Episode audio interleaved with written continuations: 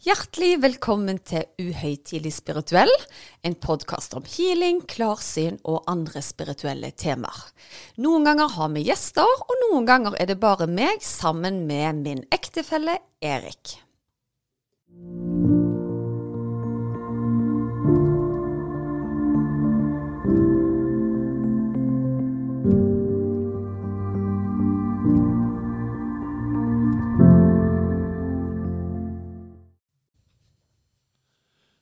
Ja, sånn, da var vi i gang igjen. Og ingen applaus denne gangen, altså, når vi starter. Nei da, nå begynner vi bare rett på sak. Ja. OK. Uh, ja, sist så snakket vi litt om huset vårt.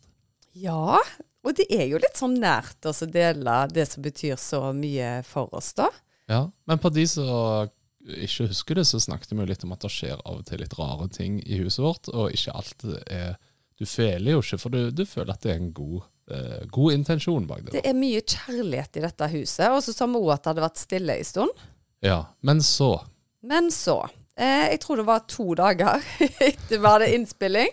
Og jeg hadde jo skrøt over at nå var det ingenting som skjedde. Og så sitter jeg og sønnen vår eh, med bordet på kjøkkenet.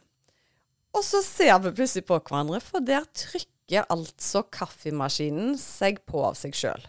Og det er ikke en sånn vanlig eh, sånn trakter, det er en sånn espressomaskin. Så først må du trykke én gang for at han på en måte skal blinke og lade seg opp. Og så, når det da har skjedd, så må du trykke en gang til for at selve kaffen skal komme ut. Og Edvard nå kikker på meg, så sier han bare sånn tørt. Mamma, jeg visste ikke at kaffemaskiner kunne stå seg på av seg sjøl. Og så to ganger. Jeg vet bare eh, Nei, det visste ikke jeg heller. Kanskje vi har besøk. Og så lo vi egentlig bare litt av det. Ja, så noen fra det hinsides inviterte seg sjøl på kaffe, rett og slett. Ja, jeg, eller gjerne gjør seg litt sånn tegn på at eh, OK, dere tror at det er stille, men vi kan hvis vi vil. Ja, det vi var er her. Vi er her. Ja. Ja. Ja, men det er jo bra. Mhm. Men det er jo fint da at det kommer fine beskjeder fra den andre siden. Og det passer jo egentlig ganske fint med temaet vi skal ha i dag, for i morgen er det Valentine's Day. Ja, Og da tenkte jeg vi kunne snakke om kjærlighet. ja men det, det er jo Det er jo det viktigste av alt. Ja, Og for de mennene som lytter på, så vet vi jo alle at kjærlighet det er jo det alle menn syns er fantastisk gøy å prate om. Ja, men jeg lurer på om at eh, det er fordi det er veldig sårt. Fordi menn er opplært til, eller blitt fortalt at eh, du skal være så tøffe. Og for å på en måte oppnå den dypeste kjærligheten, da, så må du på en måte vringe sjelen din litt. Og det er ikke alltid så enkelt. Er det sant? Jeg tror nok det er lettere å snakke om healing og wrestling. enn, Ja, eh, men det gjør oss jo sårbar, sant? Ja, sant. At en person er viktigere, nesten viktigere enn oss sjøl. Mm. Ja, absolutt. Men det jeg syns er litt kult da med Valentine's Day, Mm. det er jo at eh, det er jo røtter langt tilbake igjen i tiden. Og faktisk så måtte jeg jo gjøre litt research av og til. Um, og altså Valentine's Day, det er jo da at du feirer kjærlighet og romantikk.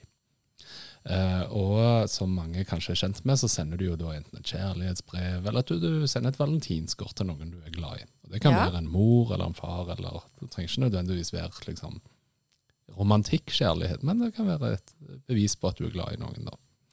Men eh, denne tradisjonen da, den oppsto faktisk på slutten av 1500-tallet, eh, og har faktisk opphav i den tro at fuglene begynner å pare seg den dagen. Så kult. Ja, det er litt morsomt. Ja.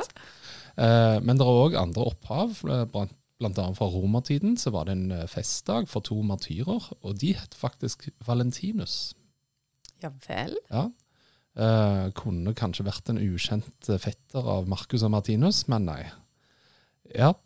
Uh, men det som er litt morsomt der, det er jo at den, den hva kan vi kalle den, den, den kristne valentinsdagfeiringen, det uh, har opphav i en, en som vi kaller for Sankt Valentin. Og han ble altså fengsla fordi at han via soldater og nekta å av, hva heter det, avsverge seg kristendommen. da. Ja, og var det ikke han som visstnok hadde helbreda dattera til fangevokteren eller noe? Jo, stemmer det. Så mens han er f- øh, fengsla, så helbreder han altså datteren til, øh, til fangevokteren. Og det er jo ingen større kjærlighetskraft enn healingkraften, tenker jeg da. Nei, veldig godt poeng. Så eh, det interessante her da, det er jo at eh, når han eh, blir henrettet da, så etterlater han seg et avskjedsbrev til sin kone Julia, eh, hvor han underskrev eh, 'Din Valentin'. Å, herlighet, så søtt. Ja, og det er nok det opphavet i den på en måte typiske valentinsdagsfeiringen som vi kjenner i dag, i engelsktalen og gjerne Frankrike eh, og litt sånne ting, da. Um, men eh, det interessante òg er jo at fuglene, hvis du tenker litt etter, så har faktisk fuglene vært synonymt med kjærlighet. Uh, så ofte når, du, når du ser i tegnefilmer og sånne ting, så er det fuglene som viser sin kjærlighet ved å fly litt rundt hverandre og synge og kvitre og litt sånne ting. Og det er jo kanskje fordi at mange fugler velger én partner for resten av livet. Ja, det kan godt være. Ja. Så, ja. Og en siste fun fact er jo faktisk at i Ghana så heter det ikke valentinsdagen. Da heter det den store sjokoladedagen. Er det samme dato, vet du det? Ja, det er visst det. Og det er fordi at de ønsker å rette fokus på at Ghana har ganske stor sjokoladeproduksjon. Så de ønsker at folk skulle kjøpe sjokolade til hverandre, og ikke kort. Aha. Mm. Så pur kommersialisme, altså. Ja. Vet du hva jeg opplevde på kontoret mitt en eh, gang? For eh, jeg vet ikke hvor mange år siden et par år siden. Da får en av mine klienter eh, en beskjed fra mannen sin på den andre sida. Og så sier jeg til henne, og dette er ei dame som er godt voksen og har både barn og barnebarn, så sier jeg du kommer til å få et valentineskort. Og hun vet bare eh, eh, Altså, nei, det, det skjer ikke. Jeg har vel aldri fått et valentineskort, og i hvert fall ikke når mannen min er død, så det skjer nok ikke. Så sier jeg nei da, det kan jo bare være symbolsk at han kommer til å tenke på deg den dagen, men han sier i hvert fall at du skal få et valentineskort. Valentine kommer, og jeg får en telefon fra henne. At hun sier 'Susanne, dette vil du ikke tro, men jeg har fått et valentinskort i postkassen min av barnebarnet mitt'. Og jeg hadde sagt at du vil få et kort med et rødt hjerte på, og hun liksom bare ja, tviler på det, men, men så søtt, da. Vi kan jo alltid skylde på at ja, det var sikkert tanken, liksom. Men så er det da et fysisk valentinskort fra barnebarnet, og det hadde hun aldri fått før. Ja, Så det var veldig søtt, altså. Ja, Ja. ja, det var bra. Ja. Nei, men eh, jeg tenker i dag er det jo morsdag, og i morgen er det valentinsdag, så det er jo litt spennende. Det er jo to i én. Og eh, vi har jo litt av hvert å feire på vårparten, for det at uh, vi har jo da Den datoen vi ble sammen, var jo i april. Mhm. Og så gifta vi oss første gang 5. mai. ja. Og så gifta vi oss for andre gang 24. mai. Ja, altså, oss to sammen. Vi har ikke gifta oss på nytt med en annen partner. Nei, nei, det er jo ja. Men vi, vi hadde jo da to bryllup, for vi hadde ett i Stavanger, eh, med bare forlovere og nær familie. Og så hadde vi bryllupsfesten og seremonien i Italia.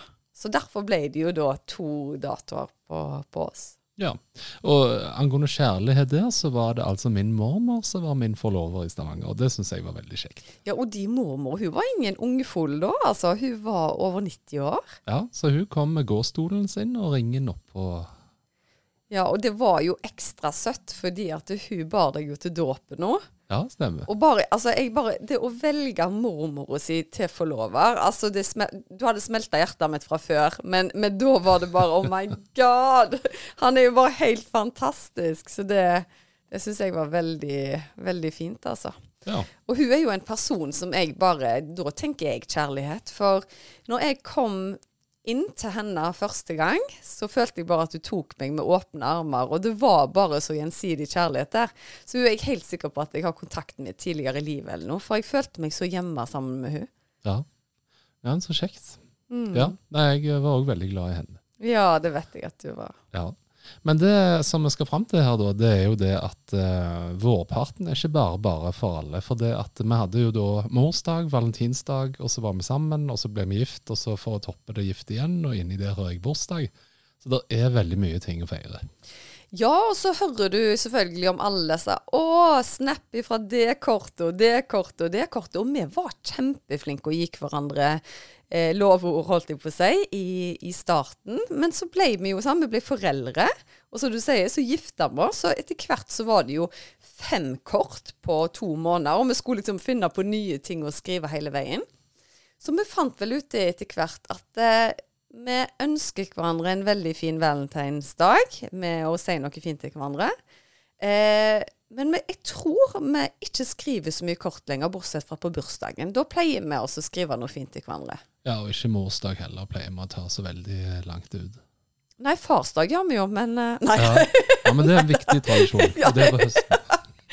ja, det, det er helt sant. Men, men jeg tror så lenge begge er komfortable med det, så er det helt greit at vi på en måte har lagt den biten med oss å skrive disse ordene. For jeg vet jo hvor mye jeg betyr for deg. Jeg trenger på en måte ikke den bekreftelsen en gang i måneden skriftlig.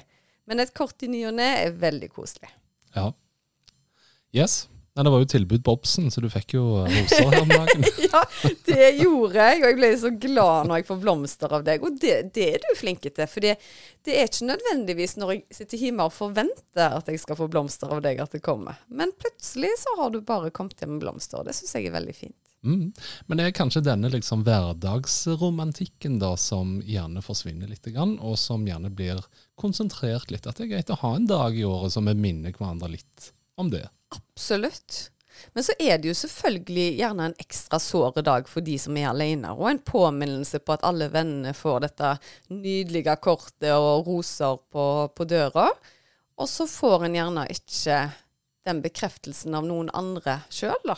Nei, nei, det er sant det. Men det er jo der jeg syns det er fint å gjerne feire andre eh, kjærlighetsforhold. F.eks. sånn som min mormor, da, som eh, ja.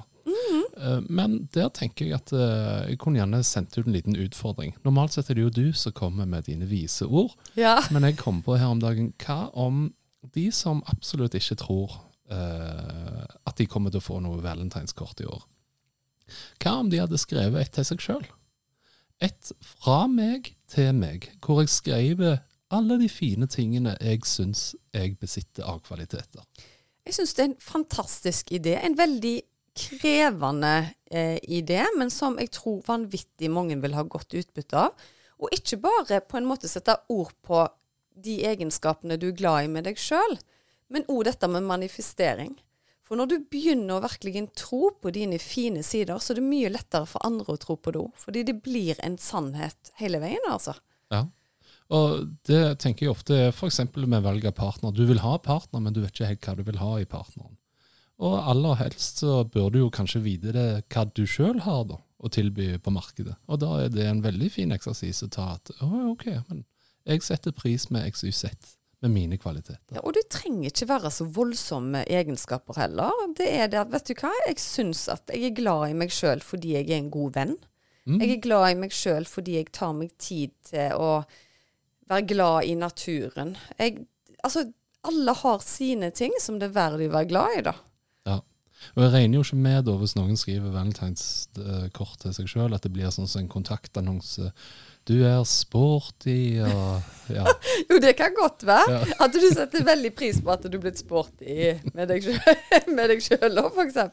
ja. Men, men jeg tenker det er jo òg en veldig god inngangsport til dette her med å tiltrekke seg den rette partneren. Og meg og deg har jo fortalt om tidligere at vi eh, satte opp ei liste hva vi ønsker en partner. Og etter noen år så fant vi igjen de listene, og så viste det seg jo at vi hadde beskrevet hverandre. Fra Ja. når vi var venner eh, til å bli kjærester, og etter hvert ek ektefeller, da. ja. Jeg mener å huske at det eneste det sto på min, at det skulle helst være mørk og gjerne utenlandske aner, var det det? Ja, og det skrev jo jeg òg, men det var jo hvis ikke Vi måtte ha et lite skalkeskjul. Det var jo litt flaut å sitte og beskrive detaljer da. Ja, han må være sånn ca. 1,88. Erik Askvik. Han må være mørk. Erik Askvik. Han må ha humor. Jeg, altså, jeg kunne jo ikke gå der. Men det verste av alt var at i underbevisstheten Altså, jeg, jeg følte ikke sjøl at jeg beskrev deg. Men jeg beskrev jo den framtidige deg, for på det tidspunktet så hadde du en litt mindre modenhet over deg da. Du var ikke der som jeg ville du skulle være akkurat da, men det tok ikke lang tid. Så var du virkelig min eh, klippe. Ja, det er jo godt. Mm. Ok, Men grunnen til at vi snakker litt om kjærlighet i en pod om healing, om du vil, det er jo det at når vi snakker om healing, så snakker vi jo gjerne om kraften. Mm. Er det samme kraft? Ja. Ja. Det er jeg overbevist om du er. Så så lenge, Og de sier jo det at for å være en dyktig healer, så må du ha kjærlighet i hjertet ditt og omtanke for andre mennesker. At det å troen og lysten på at andre skal ha det bra, det gjør noe med frekvensen i healingkraften, og gjør den veldig sterk, altså. Eh, så jeg tror absolutt at eh, kjærlighetskraften er den sterkeste healingen du kan, kan oppleve. Ja. Og jeg tenker For de som husker forrige episode, 'Hvordan blir vi spirituell', så tenker jeg òg at det første steget på veien er jo å ha kjærlighet til seg sjøl. Ja, og det har du så utrolig rett i. Og det som var litt eh, interessant, var etter forrige podkast, når vi snakket om det synet over Byhaugen, eller synet over Stavanger, så var det blitt observert en engel på himmelen, eller en skrift eh, fra det hellige, da. Eh, og jeg tror ikke det var mer enn en dag og to etterpå, så hadde jeg en healing med ei fantastisk skjønne dame på telefonen. Og da ble det mye jobbing med dette med egenkjærlighet. Og den sinnssyke kraften jeg kjente på min kropp, og hun kjente på sin, det kan nesten ikke beskrives. Og det var akkurat som det ble lagt et sånn religiøst symbol på brystene hans. Altså, hun er jo i si stue, og jeg er i mi. Men det var akkurat som det vibrerte noe helt enormt, og hun følte på en så lettelse, og hun begynte bare å grine. Det var akkurat som masse gammelt grums skulle vekk for at hun skulle kjenne på den kjærligheten. Og når det har roa seg, så sier jeg til henne at vet du hva, dette her var så sterkt at det var nesten sånn med et sånn guddommelig besøk, en engel. Og vi var enige om at uh, i hvert fall så var det en veldig spesiell og fin opplevelse, da. Og dagen etterpå så sender hun meg en melding, og hun sier at vet du hva, Susanne, eh, jeg må jo sende dette til deg, jeg vet ikke hvem andre jeg skal dele det med. Men da kom hun inn på badet sitt, og i flisene på badet så ser det ut som en liten lyskaster som har tegnet en detaljert vinge på flisene. Og hun tar flere bilder av det, så det er akkurat som det forsvinner litt etter hvert bilde hun, hun tar. Eh, og jeg har spurt henne om jeg kan få dele det bildet på Instagram, og det har hun sagt ja til. Så det skal jeg ta og legge ut en dag, sånn at du, dere kan få se det bildet som viste seg på, på flisene. Og hadde ikke vi hatt den samtalen om dette med kjærlighet og dette med engelen, så er jeg jo ikke sikker hun hadde lagt merke til det engang. Men hun sa hun har aldri sett noe, noe, lignende før, og har bodd der lenge. Så dette var noe helt nytt. Ja. Og for meg så er dette bare nok på en måte En kan si mye om at ja, men det er jo egentlig ikke en engel. Nei, men det var viktig for henne gjerne å bekrefte at den opplevelsen du hadde i går, den er reell. Vi var der. Ja. Mm. Stilig. Altså, du var inne på et eller annet her med at uh, det var noe som skulle ut. Mm. Altså ryggsekk eller gamle bagasje eller et eller annet. Og sånn er det vel litt i parforhold òg, at du må være bevisst av uh, hverandres opplevelser, er det ikke det? Jo, eh, og, og, det tror altså Vi har jo snakket om veldig mye om dette med, med kommunikasjon. Eh, og jeg tror at det, det er veldig erfaringsbasert hvordan du responderer eller reagerer i et forhold. Er du vant med å komme fra en bakgrunn f.eks. med mye krangling i tidligere parforhold eller i barndommen eller oppvekst, så vil du være mye varere for kritikk, blant annet. Eh, er du vant med at ting går lekende lett, og den andre er ikke vant med det, så er det selvfølgelig en øvelse om hvordan skal vi møtes for at ting skal bli mest mulig dynamisk, da. Noen bruker mye tid på å tenke gjennom ting før de tar det opp med partneren. Mens den andre deler gjerne hele, hele tankegangen hele veien. Og der er jo jeg et klassisk eksempel. Jeg er ikke så flink til å resonnere for meg sjøl og ha en konklusjon om hva jeg ønsker eller mener til deg. Men jeg tar deg på hele prosessen, og der kan jo jeg vingle tolv ganger i forhold til en beslutning. Og så jeg da eh, Jeg vet ikke om jeg forventer at du skal være med på hele reisen, men det er akkurat som jeg ikke klarer å holde tankene for meg sjøl. Og det skjønner jeg at kan være, være utfordrende hvis jeg den ene timen sier det, eller sier det. Du, skal vi handle på Ops i dag? Eller Rema er jo veldig mye nærmere, men vi tar Meny. Der har de den ene ingrediensen. Så Mens du er jo litt mer konkret. Jeg starter bredt, og så snevrer jeg inn. Ja. Mens du uh, snevrer inn og avslutter bredt. ja! Men det jeg syns er så fantastisk, Erik, at selv om at vi er så forskjellige der, så lander vi jo alltid veldig fint, fordi vi vet dette her. Og det er ikke sånn at meg og deg aldri har en diskusjon. Vi kan fint diskutere, men det er jo sånne ting, sånn som skal vi handle på Rema eller Obs, og så så, så, så, begynner jeg med en konklusjon, og så ender vi opp på helt andre sida av byen, mens du er litt der Jeg vil jo si din måte er jo litt mer fornuftig, det skal jeg innrømme. Den kan nok bevises i vitenskapelig teori. Ja, ja helt klart. Ja. Men OK, men hva tilbake til denne engelvingen og litt sånne ting. Sjokkert? Ble hun overraska? Veldig. Ja. Gjorde jo det. Og, men det er jo det som slår meg med denne jobben, at jeg blir jo like overraska sjøl hver gang. Eh, og jeg som alle andre syns jo det er veldig stas å få litt konkrete bevis, da. Fordi jeg kan kjenne mye på min egen kropp og bare vite at wow, dette var en kjempesterk healing. Og noen få ganger så er det ikke likevekt mellom det jeg opplever, og den på den andre sida av f.eks. telefonhealingen eller på benken. Men som regel så er det en likevekt der, og da å få bekrefta de samme følelsene jeg får i kroppen, er jo fantastisk. Og når da denne skjønne dama i tillegg opplever å se et symbol på sine fliser på badet, så tror jeg det bare gjorde at hun fikk enda større tro på at det er krefter der ute som vil henne vel, og som vil beskytte henne og som vil på en måte jobbe for at hun skal bli veldig glad i seg sjøl. Ja, for det er jo det som er litt morsomt, sånn som jeg har snakket litt om, at uh, med, altså, noen trenger bare å høre noe, andre må se noe for å få bekreftelse, osv. Og, mm. og, og i dette tilfellet så fikk jo hun da på en måte en slags bekreftelse for henne, da, ved at det manifesterte seg noe hun kunne se. Ja. Ja, men når vi snakker om kjærlighet, så ender det jo gjerne opp i et bryllup. Ja. Og du er veldig glad i å snakke om vårt bryllup. Ja, jeg vet ikke om jeg er mer glad i å snakke om bryllupet vårt enn andre er, men vi hadde jo en veldig fin eh, feiring da. Og mye av grunnen til at den ble så fin, var jo det at vi hadde opplevd mye tøft i forkant av bryllupet. Vi hadde mista flere vi var glad i, og så på det som en mulighet til å forene familiene i noe som var noe annet enn begravelse, da. Mm. Ja, og faren min har jo alltid sagt at han eh, Det er sjelden han blir skuffa, men hvis vi hadde dratt til Las Vegas og gifta oss og kom tilbake igjen, surprise! Da hadde han blitt skuffa. Ja, da hadde han blitt, eh, ja. blitt. Og skuffa er verre enn sint. Ja. Eh, men, men, det bryllupet der ble jo over all forventning. Det var jo en feiring i tre dager. Eh, og været var jo helt nydelig.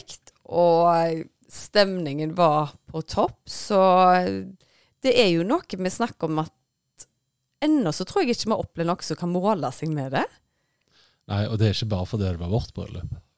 Nei, det er ikke det. For vi har jo til og med vært i brylluper hvor de sier at eh, ja, nei, nå var det ikke akkurat sånn som deres bryllup, men, men det var jo fordi at det var på en fantastisk plass i Italia i, i tillegg, da.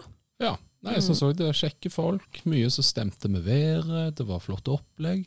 Og så er det jo gøy når to familier samles og går så godt overens, da. Ja, og så var jeg jo så forelska i deg, vet du, at jeg kunne jo ikke gifte meg fort nok. Ja. Eh, og det jeg husker, var at i forkant av dette bryllupet, så hadde jeg jo veldig lyst til å lage en tale til deg. Men klok av skade, jeg skulle holde en tale til broren min i konfirmasjonen hans. Eh, og det gikk jo ikke til planen. For jeg hadde tenkt å ta den bare på sparket, skulle si noen fine ord. For jeg hadde holdt mye taler i større forsamlinger eh, før, og foredrag. Så jeg tenkte dette er jo walk in the park. Men herlighet så jeg grein. Jeg fikk jo ikke fram et ord til den stakkars broren min, og hiksta nærmest. Og jeg hadde òg vært vitne til at tøffe mannfolk skulle holde holde tale til fruene sine i bryllup, hvor de ikke fikk fram et ord. Så jeg ble veldig nervøs.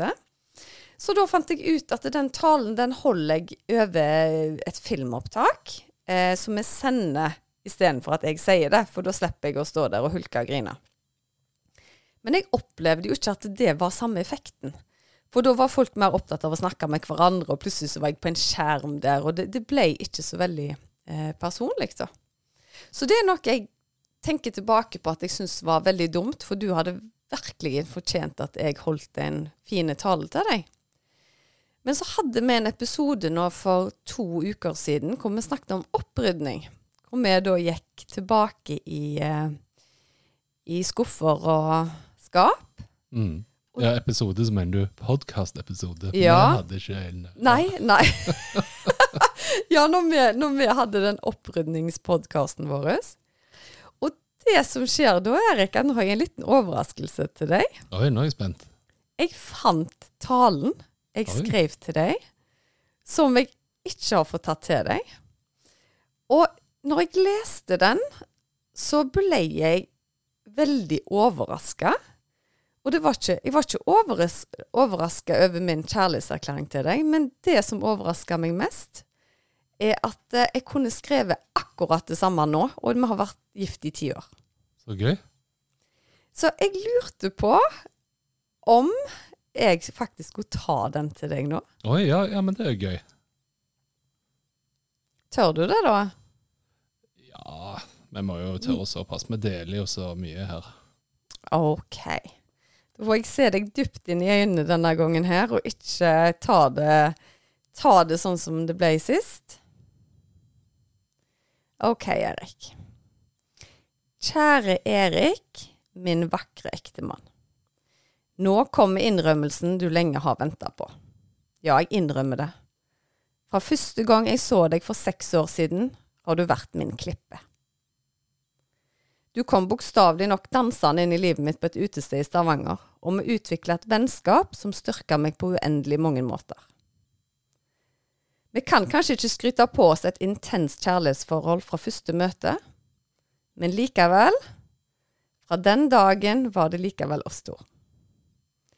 Mange sier de tror på skjebnen, at enkelte ting er forutbestemt, at ute i verden finnes det én bestemt person som er den rette. Og da begynner jeg nesten å grine, vet du.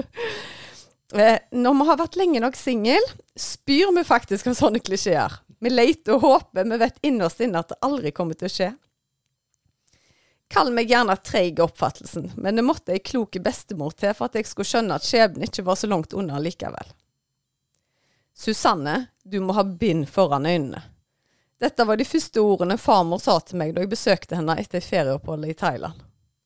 Hei til deg òg, sa jeg, litt forundra. Hun virka sjeldent bestemt. Det har vært en dritlekker mann på besøk her mens du var i Thailand. En som hevder han er bestekompisen din. Ingen er kompis med en sånn flotte mann. Nå må du se til å skjerpe deg. Snill pike som jeg er, hørte jeg selvfølgelig på farmor. Og ca. Eh, et kvarter etterpå så var- meg og du kjærester. Så tusen takk til farmor. Kjære Erik, du får fram hele spekteret i mitt liv. Og ingen får meg til å føle meg mer elska enn du. Du er en av de varmeste menneskene jeg noensinne har møtt, og at du i tillegg er den fineste mannen jeg noen gang har sett, er jo ikke akkurat en bakdel. Du er en fantastisk pappa, og setter familien alltid først. Sammen med det kan jeg både le og gråte, og jeg kan være meg sjøl 100% Du har alltid stått bak meg, uansett hvilke utfordringer jeg har møtt på min vei. Du er en inspirerende samtalepartner og ekspert på å si de riktige tingene når jeg trenger noen oppmuntrende ord. Når vi kommuniserer, føler jeg meg faktisk som et helt menneske. Takk for at du gir meg både den følelsen og tryggheten. Du har kanskje det jeg betegner som verdens tørreste humor. og selv om jeg ofte himler med øynene når du har et eget standup-show, tar jeg meg ofte i å humre over ting du har sagt i lang tid etterpå. Hvor morsomme, det er du. Når det har storma som verst, har vi klart å bevise for oss sjøl at vi er i stand til å stå hånd i hånd og rope tilbake mot vinden og regnet. Derfor er jeg nå trygg på at skjebnen har bestemt at det er vi to som skal utfordre livet sammen. Det er jaggu ikke mange som kan skryte på seg kategorien både smart, pen, snill og morsom. Og det er smart er du jaggu. Bare spør søstera mi. Hun omtaler deg som et levende leksikon, og den typen komplimenter kaster hun ikke etter hvem som helst. Har hørt et rykte om et TV-show hvor du hadde tellekanter i skapet. Ja, du er jo ryddig anlagt, men den tellekanten, den har jeg sjelden sett live. Fra og med i dag skal jeg ta på meg husmorhatten og nekte deg å legge, sammen klær i all fremtid. Din heldige gris. Mange skryter på seg at de gifter seg med sin aller beste venn i bryllupstaler. Og jeg kan i hvert fall si det helt med sikkerhet, Erik. I dag har jeg tatt steget helt ut med min aller, aller beste venn. Så nå står jeg her, Stolt, glad, rørt, nygift og ufattelig lykkelig. Og fra i dag er du ikke bare kjæresten min og far til mitt barn, men mannen min. Og jeg synes det klinger enda verre. I alle forhold vil det dukke opp uenigheter og vanskeligheter, små som store etter hvert, men jeg tror vi skal kunne bli enige om det meste.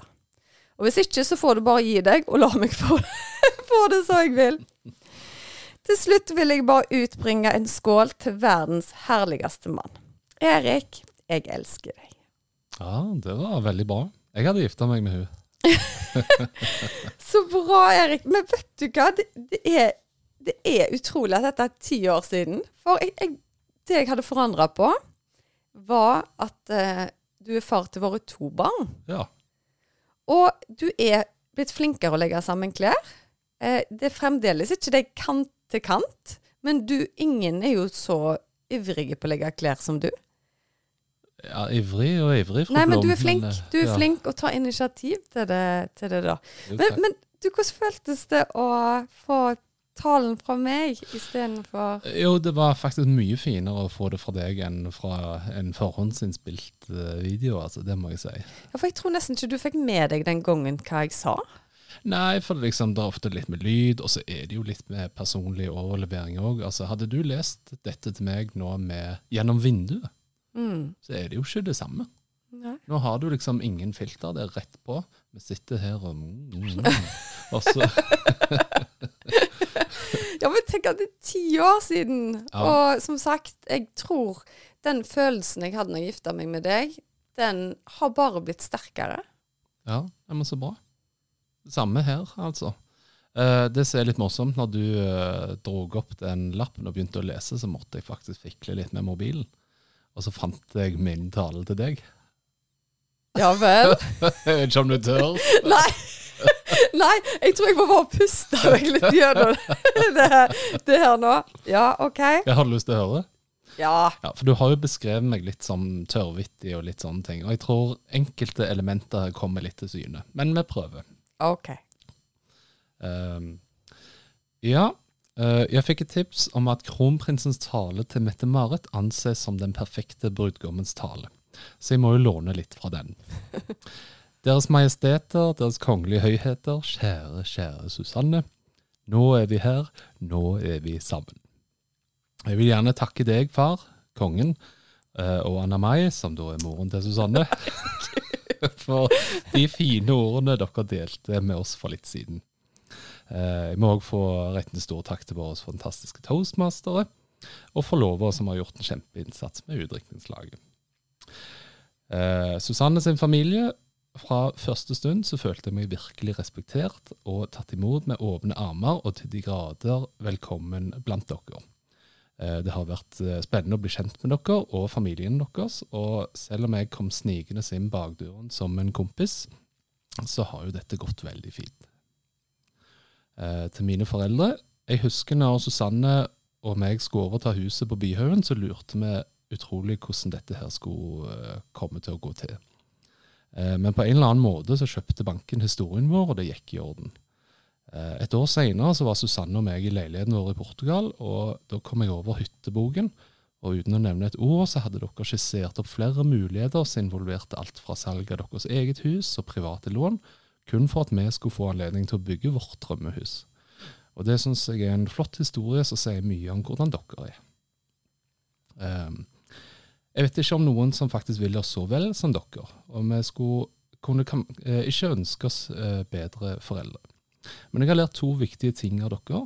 Eh, store beslutninger, det tar vi sammen. Og det du vil, det får du til. Nå ser jeg litt på deg, Susanne. Er du rørt mer når du snakker til foreldrene dine enn til deg? Men nå kommer vi til deg, altså. Nå kom tårene! Ja. Snakket til foreldrene. Ok. Susanne, tenk, nå er vi gift. Nå er du en assquick. Eh, For et år siden så var vi i et bryllup i Italia og fant ut at begge dette slo Avaldsneskirken en god gang. Så Italia ble det jo på oss òg. Og hvilket bryllup det har blitt. Hadde du fortalt meg at vi skulle ende opp med å ha en tredagers bryllup den dagen vi møttes, så hadde jeg nesten trodd det hadde rabla for deg. Eh, Men jeg traff deg i et mørkt kapittel i livet mitt, Vi ble venner først, og tidlig så opplevde jeg at det var et litt annerledes vennskap. Du introduserte meg til en verden jeg ikke visste eksisterte, noe som gjorde sorgen litt lettere å bære. Eh, I tillegg var du en slager på alle fester når du tok de varme hendene dine fram og, uh, og brukte det som partytriks. Partytriksene ble etter hvert til samtaler, gode samtaler, som gjorde at vi begge vokste litt og litt for hver dag. Den første store testen kom i forholdet vårt når vi skulle montere et Ikea-møbel. Knirkefritt som det gikk, så tenkte jeg at dette kunne virkelig bli noe helt spesielt. På to måneder høsten 2010 så skjedde et helt liv på en gang. Vi fikk ferdig drømmehuset vårt, eh, vi fikk et nydelig barn eh, sammen, jeg skifta jobb, eh, vi fikk faktisk låne mor og far sin gamle Volvo 240 stasjonsvogn med barnesete, og som ikke det var nok, så kom nok et mørkt kapittel over oss. Jeg hadde dessverre ingen partytriks å følge opp med, men de gode samtalene våre de ble enda bedre. Og vi lærte uansett at hva som kommer vår vei, så går det fint på en eller annen måte, så lenge vi gjør det sammen. Eh, Susanne, det var en tid vi følte vi kanskje hadde gått sammen mer enn vi hadde ledd sammen. Vi har hele tiden fokusert på å bygge hverandre opp, uansett hvilke utfordringer vi har møtt. Sammen får vi til det vi vil. Det er kanskje litt vanskelig å sette ord på følelser, så jeg tenkte jeg skulle lese et dikt for deg. Eh, Du tar min hånd og løfter meg til høyden. Du tar min hånd når stormen står mot land. Da er jeg sterk, for du har holdt meg oppe. Tar du min hånd, er jeg en bedre mann. Susanne, vi har lært at livet ikke er forutsigbart. Vi må leve i nuet og ta vare på hverandre, og ikke tenke så mye over all verdens ting. Kjærligheten er ikke rasjonell, og det er kanskje derfor jeg ikke elsker deg av hele min hjerne, men av hele mitt hjerte. Susanne, jeg elsker deg. Åh, vet du hva, nå Nå Jeg har ikke ord. Ja, nå har ikke jeg lest den på mange år, men eh, jeg tenkte når du leste ditt, at du var litt av en ordsmed du var. Men uh, det kom seg litt etter hvert her òg, altså. Vet du hva, jeg, jeg eh, Du kunne fint holdt den, den talen til meg igjen i dag. Jeg syns den var helt nydelig skrevet, Erik. Og uh, du får virkelig satt ord på akkurat sånn som det var. Eh, og, og det er jo akkurat der vi gjerne utfyller hverandre òg, i måten bare vi har bygd opp talene. Sant? Du, du får hele historien fra start til slutt i talen, mens jeg fokuserte jo gjerne mer på deg som person, da. Eh, og jeg syns at eh, begge var veldig fine på, på hvert sitt vis. Og eh, jeg, jeg ble kjemperørt. Ja, det var så bra. Og jeg tenker liksom også det hvis det blir for mye snakk om familie og litt sånne ting, så skyld på kronprinsen, for det var hans tale det ble kopiert fra. Det var vel kun innledningen du tok derifra, da. Nei, så jeg hadde glatt gifta meg med deg igjen. Ja, Gang er etter gang etter gang. Ja. Men Susanne, i mai så er det jo ti år siden vi gifta oss. Ja, tenkte. Så har vi jo snakket om at vi skulle hatt en tur til samme stedet som vi gifta oss. Ja, åh, det hadde vært helt amazing. Men hadde det ikke vært gøy at vi bare gifta oss på nytt igjen da? Jo, Så vil du gifte, meg med, gifte deg med meg, Susanne? ja. Vil, ja, det vil jeg absolutt. Så Ja. da gjør vi det en gang til. Så kan vi jo lese eh, talene til hverandre. Fantastisk. Så gøy. Jeg vet nesten ikke hvordan jeg skal reagere her nå. Ja, igjen, Erik. Selvfølgelig. Ja, ja her òg. Ja. Neimen, så gøy. Champagne! Yay! OK, da begynner vi å komme til veis ende. Jeg syns vi må gjenta dette her med Valentine's Day. Ta tiden og skriv et kort til deg sjøl. Det høres kanskje deprimerende ut, men eh, jeg tror at uh, om du så gjemmer det vekk i en bok og tar det fram et år, seinere, så kommer du til å se at åh, det er faktisk sant. Så kjekt at noen tok seg tid til å skrive fine ting om meg. Om du så var deg sjøl. Og så er det noe med at det skrevne ordet er, veier veldig sterkt, da. Og jeg tror gjerne det er derfor meg og deg ble så emosjonelle nå òg. Um, er fordi at det er jo akkurat sånn som vi følte det da, og så drar vi det fram nå, og så føler vi det ennå, og det er jo helt unikt. Og jeg tror har du noen rundt deg som du føler mye for, men syns det er vanskelig å si det til, så syns jeg at du skal skrive noen ord til dem. For jeg har aldri hørt om noen som har angra på at de har sagt noe fint til noen.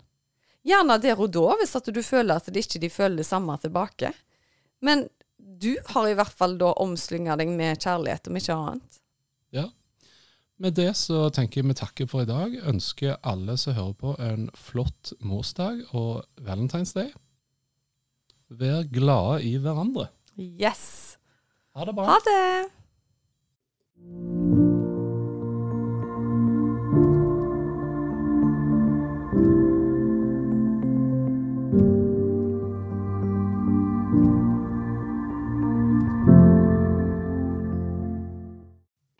Visste du at du kunne ta kontakt med meg hvis du ønsker å få satt opp en personlig healingplan? Da er det bare å kontakte meg via Instagram eller på e-post, så gjør jeg det helt kostnadsfritt. Da er det mye lettere å vite hvilken healing du skal velge, til hva tid du skal bruke den, og hvor mange uker du bør benytte deg av deg. Gå inn på healersusanne.com.